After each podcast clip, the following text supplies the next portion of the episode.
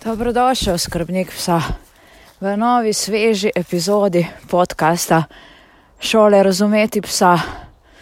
Ja, javljamo se iz gozda in kaj je danes botrovalo mojemu javljanju, je takšen zelo simpatičen dogodek, ki se zelo povezuje s tistim, ko v tečajih pa ljudem govorim, da se pes uči slikovno oziroma situacijsko, kako poimenuješ.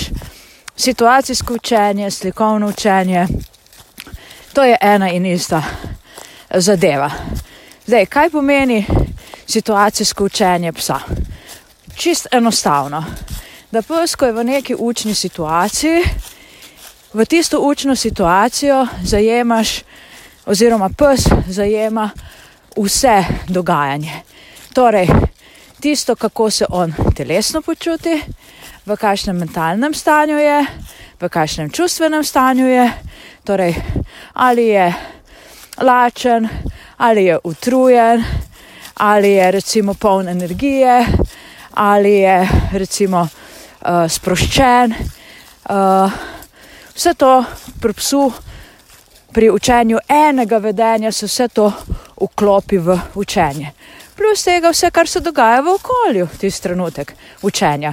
Torej, vonji, uh, glasovi, uh, vizualne podobe, taktilne podobe.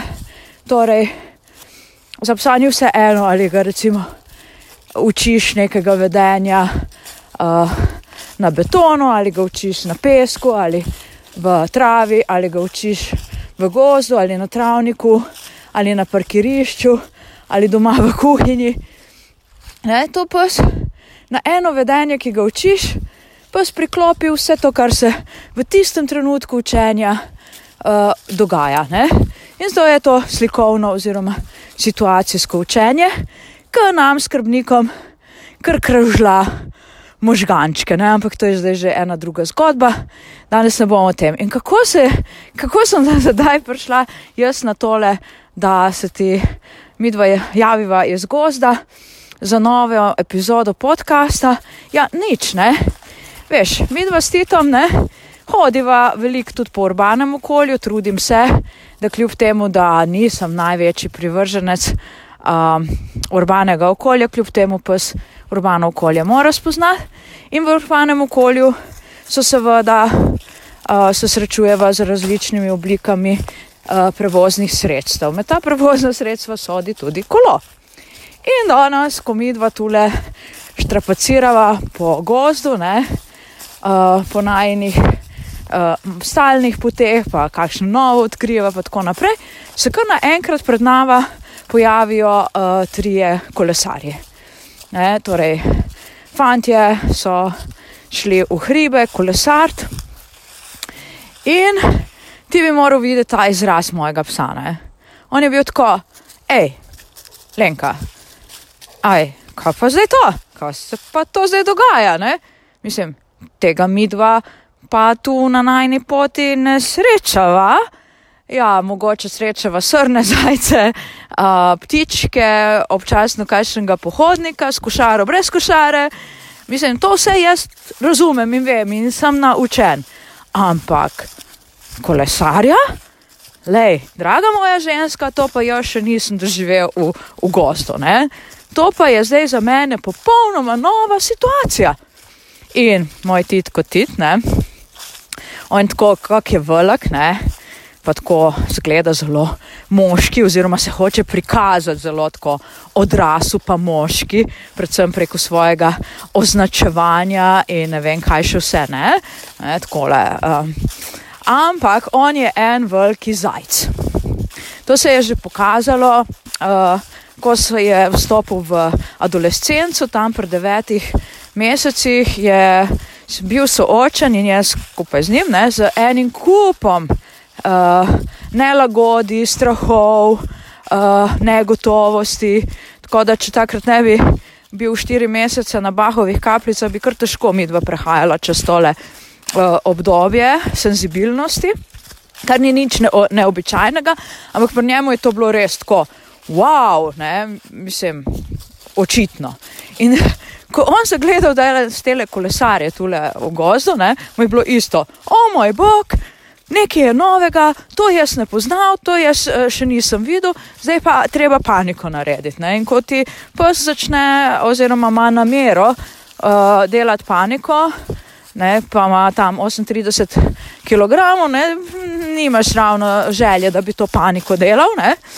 Uh, tako da smo se malo umaknili uh, s poti, ne? zato ker so nama prihajali v osebni prostor in sem morala svojemu psu ponuditi odmik ne? Od te situacije, tako da smo se umaknili. Uporabljala sem uh, hrano više hierarhične vrednosti, torej posušene uh, pljučke um, ovčetine.